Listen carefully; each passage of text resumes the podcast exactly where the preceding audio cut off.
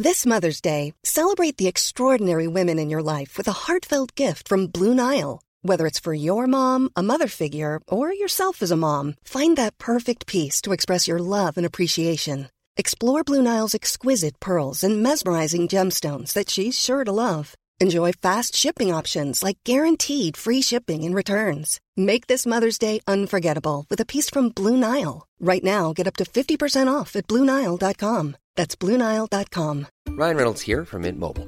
With the price of just about everything going up during inflation, we thought we'd bring our prices down. So to help us, we brought in a reverse auctioneer, which is apparently a thing. Mint Mobile unlimited premium wireless. Ready to get 30, 30, bit to get 30, bit to get 20, 20, 20, bit to get 20, 20, bit to get 15, 15, 15, 15 just 15 bucks a month. So, Give it a try at mintmobile.com slash switch. $45 upfront for three months plus taxes and fees. Promo rate for new customers for limited time. Unlimited more than 40 gigabytes per month. Slows. Full terms at mintmobile.com. Wow. Nice. Yeah. What you're hearing are the sounds of people everywhere putting on Bombas socks, underwear, and t-shirts made from absurdly soft materials that feel like plush clouds. Yeah, that plush. And the best part? For every item you purchase, Bombas donates another to someone facing homelessness. Bombas. Big comfort for everyone. Go to bombas.com slash ACAST and use code ACAST for 20% off your first purchase. That's bombas.com slash ACAST. Code ACAST. Energi, teknik, industri, finans, medicin. Det finns många superspännande branscher att investera i. Och idag ska vi djupdyka i en glittrande rolig och härligt vardagsnära, nämligen livsstilsbranschen. Du lyssnar på Smarta Cash, podden som peppar till en bättre ekonomi och rikare framtid med mig Isabella Amadi.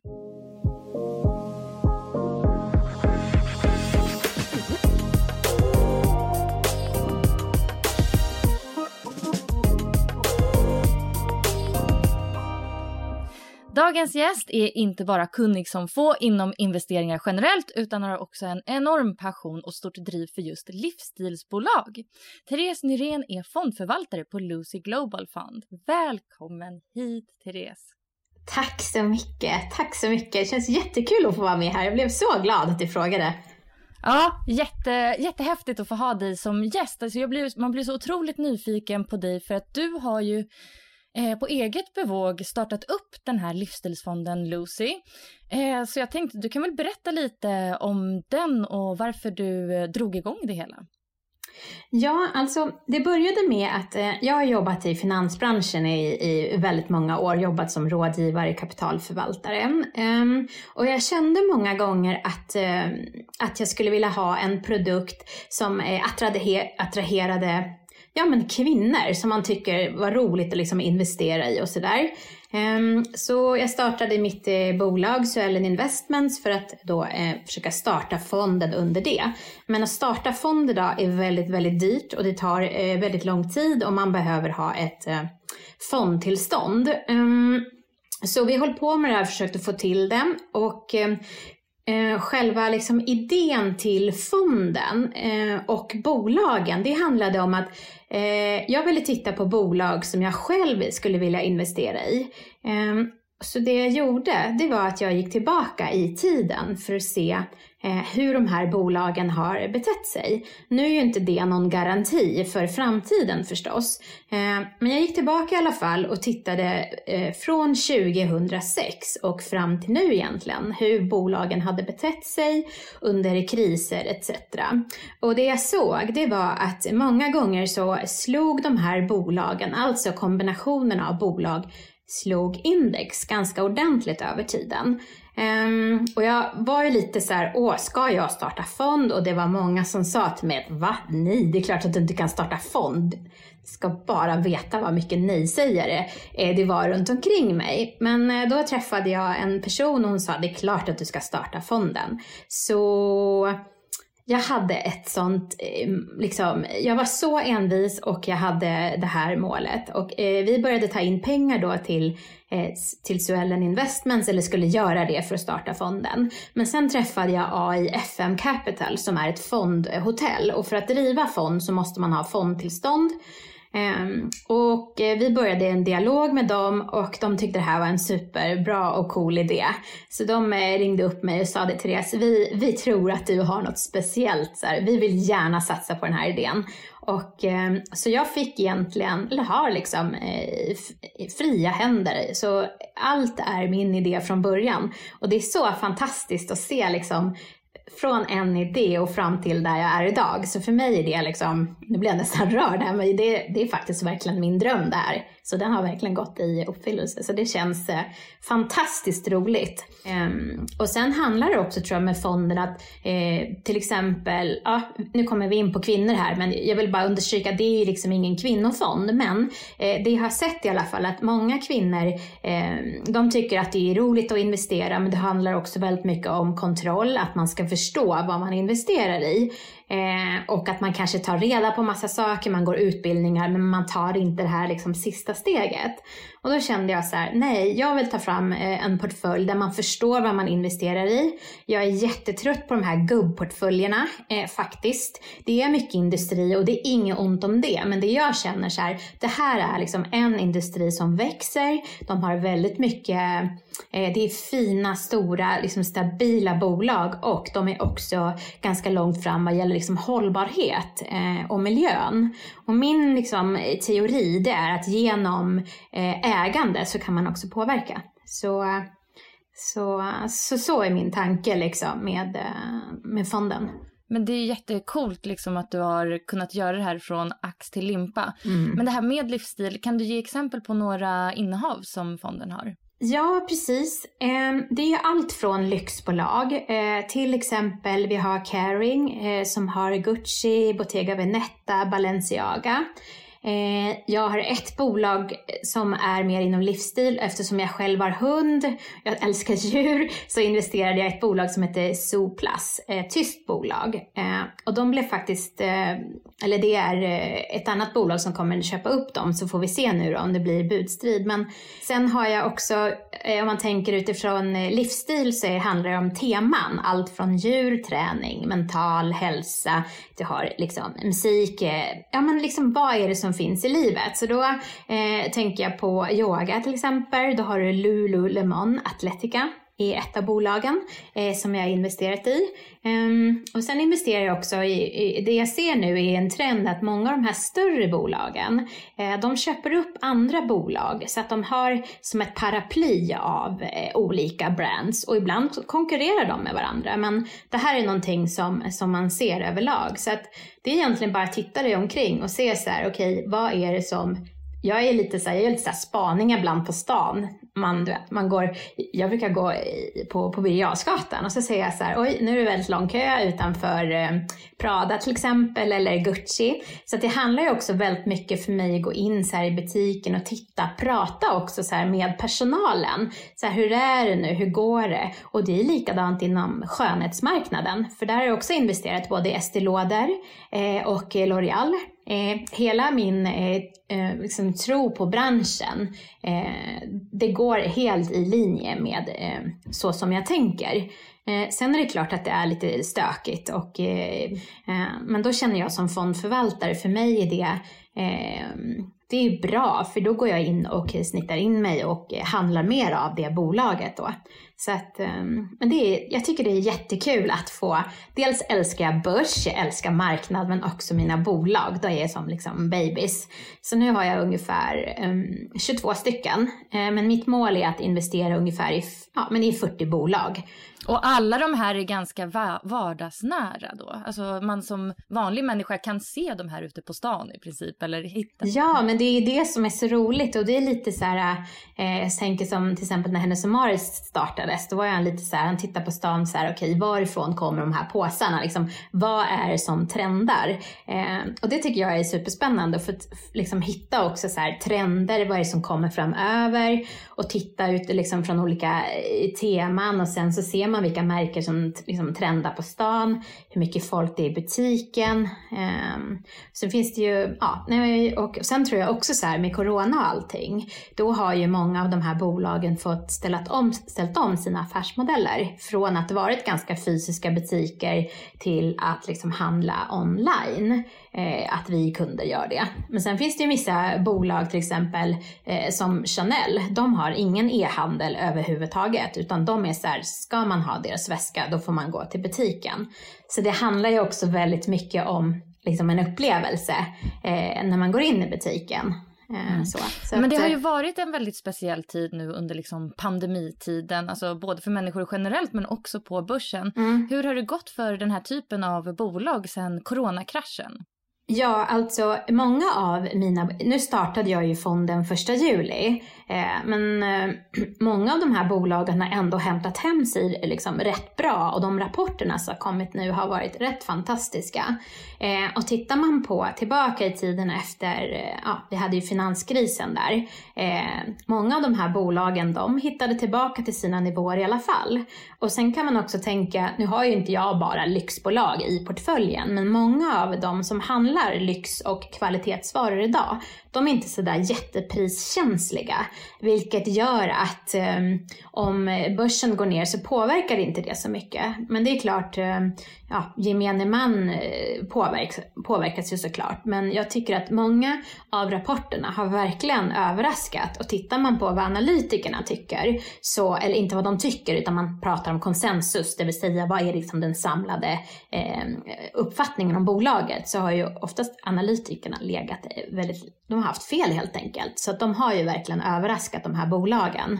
Eh, så att eh, det har ändå gått bra. Ja, nej men det, det är faktiskt eh, jätte, det är jättekul. Eh. Och vad tror du om framtiden då? Alltså vad tror du om framtiden? Alltså hur ser liksom din prognos för livsstilssegmentet ut? Ja, men jag tror, alltså nu är det klart att det är ju liksom stökigt i USA när vi får eh, den här deltavarianten och eh, Kina börjar stänga ner igen. Men rent generellt sett så tror jag att branschen växer rätt mycket. För tittar man på eh, medelklassen globalt sett så blir de liksom rikare. Om du tittar på de länderna i Asien men också Indien och Ryssland. Eh, och det handlar många gånger att man vill ha liksom en tillhörighet till Eh, till, till det märket som man tycker om. För så är det med livsstilsmärken. Det handlar väldigt om att du är väldigt så lojal, att du är återkommande. Så att jag tror faktiskt över tiden att det kommer fortsätta öka. Eh, och det skulle inte förvåna mig ifall någon, många av de här bolagen kommer ta en eh, ganska stor del av index i framtiden. Eh, det finns ett stort bolag som jag inte har i min portfölj, men de har ju växt helt otroligt. Så att, eh, jag tror att det är en bra, eh, ja, jag, jag, tycker helt enkelt att det ser bra ut och eh, jag skulle inte jag skulle inte ha startat en fond inom det här segmentet om, om jag inte var långsiktig. Eh, så. Vilka är riskerna? Om man tittar på riskerna med de här bolagen, det är väl förstås om det eh, blir problem med eh, leveranser. Eh, det kan vara en risk. Det kan också vara en risk om det blir till exempel bolag som påverkar rent miljömässigt, tänker jag. Om det kommer upp några skandaler. Tittar man tillbaka i tiden så hade du Volkswagen till exempel. De hade ju problem med deras bilar. Eh, och där, de har ju Porsche eh, i, ja, de har Porsche. Jag, jag har inte investerat i Porsche och det är också bara för att jag kände att det som hände med Volkswagen vill jag inte, ja, när jag ska investera i bolagen så måste det liksom rimma med, med mina egna värderingar och eh, vad jag tycker. Eh, det måste vara ett bra, liksom, känt varumärke om det är ett bolag som gör bort sig totalt, då kommer jag att ta bort det. Så det är klart, det finns ju alltid risker. Och sen så tittar man på risker också, så är det så här rent värderingsmässigt. Jag menar, vi är ju en marknad nu som är ganska högt värderad. Eh, men för mig handlar det inte om att jag ska tajma marknaden, utan det handlar om att jag är långsiktig i mina investeringar. Så att eh, det är klart att det finns risk. Eh, och tittar man på utifrån fonden så har ju jag en exponering mot valutan till exempel. Det gör ju att min fond är ju en högriskfond. Um, om man tittar på skala 1 till 7 så ligger den på 6. Som många andra aktiefonder gör också. Ja, precis, exakt. Så att, men jag, jag, tycker att det bästa liksom, sättet när man investerar, det är att man har en bred fond eller slash aktieportfölj. Och vi i Sverige, vi tenderar att bli väldigt så här, vi, vi investerar väldigt mycket svenskt. Och det är ju klart att när OMX går himla bra och bolagen går bra så är det bra. Men tittar man så här rent forskningsmässigt på spridning av risker eller diversifiering som man kallar det, eh, då är det ganska bra att ha en, en global portfölj. Och sen så, jag tänker att min, eh, min fond, den är liksom en krydda i portföljen. Eh, så. Men den är bra för att den är global och du får valutaexponering både mot dollar och sen så mot euro. Eh, och sen så finns det också en del andra intressanta bolag som jag tittar på utanför både USA och Europa. Eh. Jag tänkte att eh, vi kan prata lite om att analysera ett bolag. När du tittar på bolag eller aktier, alltså vad tittar du på då? Ja, precis. Eftersom man har ju olika typer av förvaltning. Min förvaltningsstrategi heter, den är ju tematisk. Det betyder att jag utgår ifrån mina teman som är 19 stycken. Eh, jag delar upp det i liksom olika områden och så tittar jag så här, okej, okay, vilka aktier finns i respektive område? Eh, och för mig är det viktigt när jag tittar på aktien, det är klart att nyckeltalen är en parameter, men jag tycker också att det är inte det enda. Eh, för jag, jag tittar väldigt mycket på, okej, okay, hur, hur, länge har den här, liksom, hur länge har det här bolaget funnits? Eh, är det ett stabilt bolag? Eh, hur ser liksom soliditeten ut? Är de liksom högt belånade? Eh, de får gärna ha en utdelning eh, i bolag. Så jag vill helst investera i bolag som har varit på börsen en längre tid som är liksom ganska så stabila. Um, och sen så tittar jag också en del på kanske ganska nya bolag som är börsnoterade. Uh, och det är också så här, jag tycker att det är spännande men jag är lite, jag vill gärna liksom se på en aktie hur den utvecklar sig ja, men liksom rent eh, tekniskt också. Så att för mig är det, ja det handlar om, dels är det ju nyckeltalen, eh, men mest temat, passar det in? Är det här någonting som passar in i portföljen? Och eftersom jag har all data sedan 2006 så ser jag också hur den har betett sig. Eh, det vill säga um, korrelationen, eh, det vill säga sambandet mellan olika bolag och där vill jag försöka få en ganska så bra spridning. Men för mig handlar det också väldigt mycket om att gå ut och titta, prata med personalen. Hur är ledningen, hur är vdn, vad har man för eh, liksom ambition inför framtiden? Och jag har ju inte den, vad ska jag säga, den traditionella bakgrunden som en förvalt de flesta förvaltarna har. Många har ju eh, kanske jobbat som analytiker, eh, så. Men jag är mera jag, det är den här tematiska... Liksom... Du är mer så här Tintin eller så undersökande journalisten som kommer in i butiken och kollar läget. Ja, men lite så. Exakt. Jo, men precis. Och det finns ju något ord för det där. Men, eh, så för mig handlar det mer om att investera liksom, i trender och titta på, eh, på det. Eh, så det skulle jag nog säga. Och sen tror jag så här, all, eh, jag har funderat väldigt mycket kring det här med förvaltnings, liksom, eh, förvaltningsteorin och liksom så.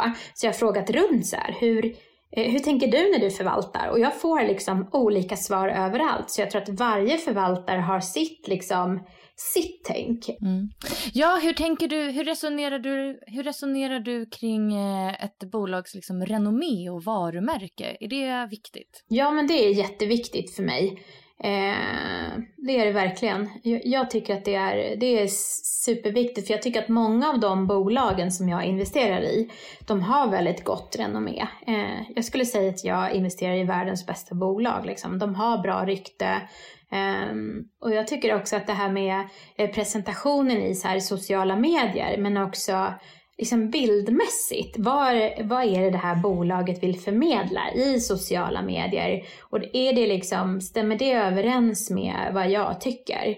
Eh, och det jag märker är också att många av mina bolag som jag investerar i, och det här är bara en slump, men de är väldigt jämställda. Och de är väldigt duktiga på att lyfta fram eh, kvinnor. Som jag tänker, ett av bolagen som jag har Ferrari till exempel, där fokuserar man ju väldigt mycket på att få in liksom kvinnliga rallyförare.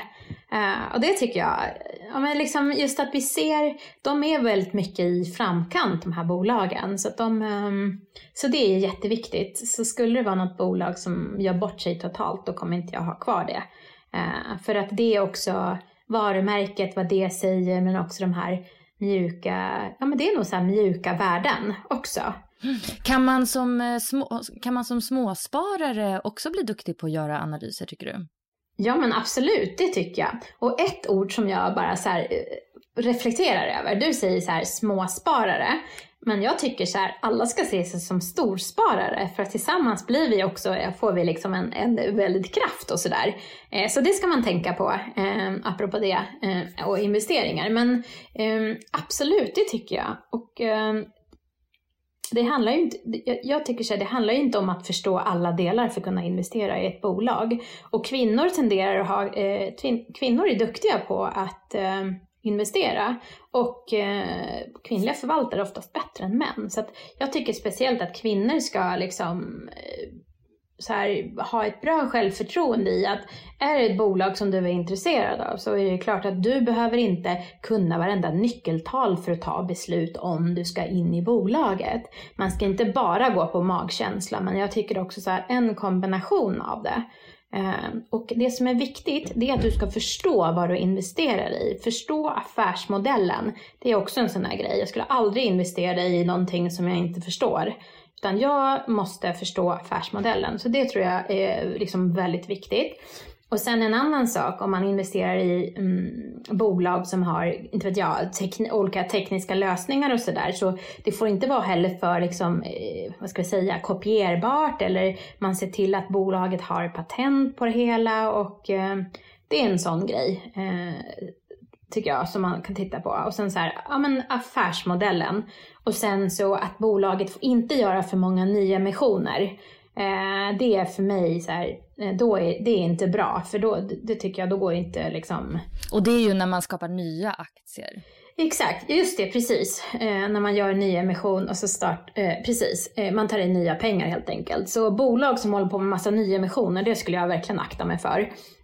Eh, och sen så tycker jag också att man ska inte, det har ju varit diskussion väldigt mycket i media om influencers som går ut och eh, eh, pushar ut eh, bolag och sådär. Eh, och tycker att folk ska investera. Men eh, gör alltid liksom, som, som småsparare eller storsparare så tycker jag att man ska göra sin egen, gör din egna analys. Du behöver inte ha koll på alla nyckeltalen för att göra en investering. Men däremot se till att du förstår affärsmodellen. Eh, och man kan ju googla, ta reda på väldigt mycket om ett bolag. Vilka är varningsflaggorna då när man tittar på eh, bolag och främst livsstilsbolag? Ja, alltså det som jag tycker det är väl att det är väl bra om det finns, om det är ett bolag som är inom konsumtionsbranschen, att det finns någon slags hållbarhetstänk och att man är med eh, typ eh, kopplat till de här 20, FNs 2030-målen. Eh, det är en grej. Eh, hållbarheten tycker jag är jätteviktig. Ehm, och sen att, ehm, jag menar, att affärsmodellen är kanske att, det, att man kan ehm, liksom köpa online eller att bolaget är ändå rätt digitaliserat. Eh, att det inte får ha för stora skulder eh, och det vi var inne på tidigare, att de får inte som gör om nyemission på nyemission. Så eh, nej, då skulle jag inte ha det bolaget. Och sen så att man kanske köper ganska vet jag, stor, stora bolag som man känner igen. Det tycker jag är bra också. Och sen så finns det ju mycket bolag som blir liksom hypade. Eh, så är det oftast. Mm, som Tesla till exempel. Det var ju otroligt hypat förra året. Ja, men sen så började de blanda in bitcoin och då kände jag i alla fall direkt att eh, blandar de in bitcoin och bitcoin har ju väldigt liksom, volatil, det vill säga det, bitcoin går ju hit och dit och då kände jag så direkt, nej, eh, Tesla eh, ska, ska jag nog inte äga för att jag vill också att bolagen ska vara liksom inte för volatila, de ska gå ganska så här, tittar man på grafen så ska den vara ganska så här, lite så här uppåt, det ska vara en uppåtgående trend. Men inte skjuta i höjden. Nej, precis. Exakt. Fast och för sig, det är väl härligt om man har ett innehav som går upp eh, rätt ordentligt. Eh, det är klart, men... Ja, jag kände också eh, det. Då blir man ju toppenglad om det helt plötsligt är upp 100% på ett år. Ja, precis. Ja, men det är liksom fantastiskt bra. Men eh, så det är nog, eh, jag vet inte om det blev något så riktigt rakt svar på dina frågor men... Nej men det är ju aldrig riktigt ett rakt svar när det är börsen för det ser ju olika ut hela tiden och eh, liksom de stabilaste aktierna rycker också ifrån ibland. Mm. Och då får man väl tacka och ta emot men det kanske är också den här... Äh, man kanske ska förstå då varför ett bolag rycker ifrån och lyfter väldigt ja. mycket. Mm. Mm. Men om man tittar så här, jag har ju varit i branschen väldigt många år och nu har vi ju blivit, vi är ju väldigt globala. Alltså att det blir ju eftersom information transporteras ju oerhört fort idag så blir det att jag tycker att man kan se en trend att det är segmenten som inom olika områden, eh, liksom de smittar varandra eller liksom de går ner. Eh, på så sätt. Så det märker man ju att det blir liksom lite större, det blir lite större fall ibland. Eh, för att det blir liksom oroligheter. Mm, så. Vad, tror, vad tror du om framtiden när det kommer till hur mycket pengar man kan tjäna då? Vad är liksom den förväntade avkastningen? Mm. Det där är ju supersvårt att säga. Eh, men mitt mål är väl att man kanske slår liksom jag skulle ju vilja slå index med 15 procent över tiden. Eh, det är ju mitt mål. Men sen så tittar man, ja, låt säga att det kanske ligger mellan 5-10 procent per år. Eh, någonstans där. Eh, men det är, ja, som sagt, det, det är ganska, ganska svårt att säga. Men rent generellt så tror jag väldigt mycket på branschen och även, eh, jag menar nu efter corona och allting, så när vi kommer tillbaka till ett något sånt där liksom, samhälle eh, som öppnas upp så tror jag att det finns en otrolig eh, köp, köpsug. Den där, eh, liksom, den där väskan eller de där kläderna eller det här träningskortet eller nu vill jag satsa på det här. Så jag tror att det kommer komma en, en, ett fantastiskt uppsving faktiskt. Eh, men bara saker och ting eh, lugnar ner sig lite så. Så jag, jag, tror att det finns en otroligt eh, stor potential och det är också bara att titta på eh, utvecklingen av ehm, jag tänker bostadsmarknaden eh, rent generellt på hur mycket sparkvot, hur mycket vi har sparat under coronan. Så att jag, tror, eh, jag tror att den här marknaden, det kommer explodera. Mm. Vilka är dina tips då till eh, små eller storsparare? eh, ja, tips är att först och främst våga investera, börja Spara för mig egentligen, det är när man sätter pengarna på ett, rent, eller på ett konto bara. Eh, köpa aktier eller fonder, det är för mig att investera. Och eh, investera aldrig pengar som du inte har råd att förlora.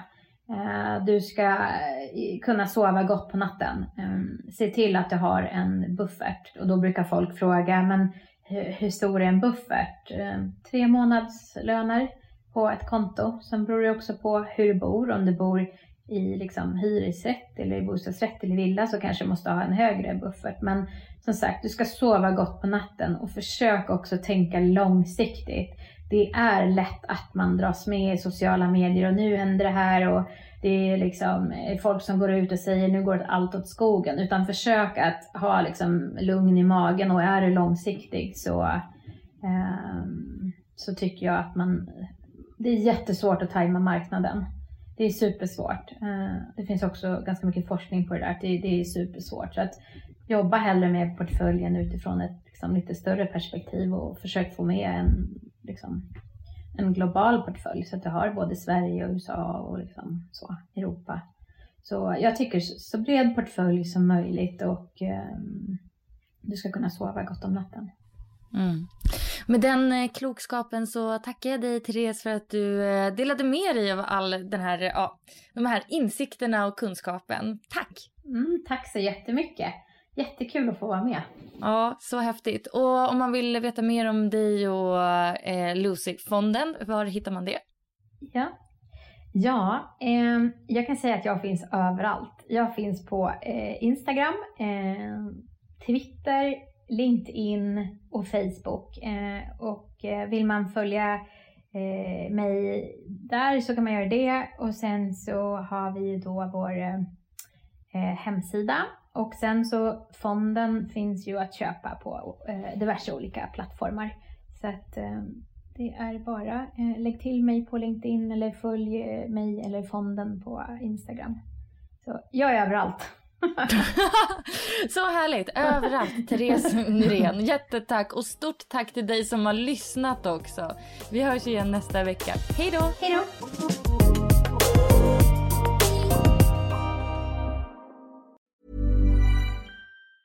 Planning for your next trip?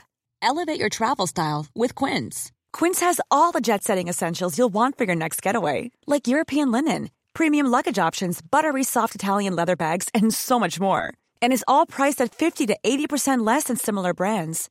Plus, Quince only works with factories that use safe and ethical manufacturing practices. Pack your bags with high-quality essentials you'll be wearing for vacations to come with Quince. Go to quince.com/pack for free shipping and 365-day returns. Mom deserves the best, and there's no better place to shop for Mother's Day than Whole Foods Market. They're your destination for unbeatable savings, from premium gifts to show-stopping flowers and irresistible desserts. Start by saving 33% with Prime on all body care and candles. Then get a 15-stem bunch of tulips for just $9.99 each with Prime. Round out Mom's menu with festive rosé, irresistible berry chantilly cake, and more special treats. Come celebrate Mother's Day at Whole Foods Market. Hey, it's Paige DeSorbo from Giggly Squad. High quality fashion without the price tag. Say hello to Quince. I'm snagging high-end essentials like cozy cashmere sweaters, sleek leather jackets, fine jewelry, and so much more. With Quince being 50 to 80% less than similar brands. And they partner with factories that prioritize safe, ethical, and responsible manufacturing. I love that. Luxury quality within reach. Go to quince.com slash style to get free shipping and 365 day returns on your next order. Quince.com slash style.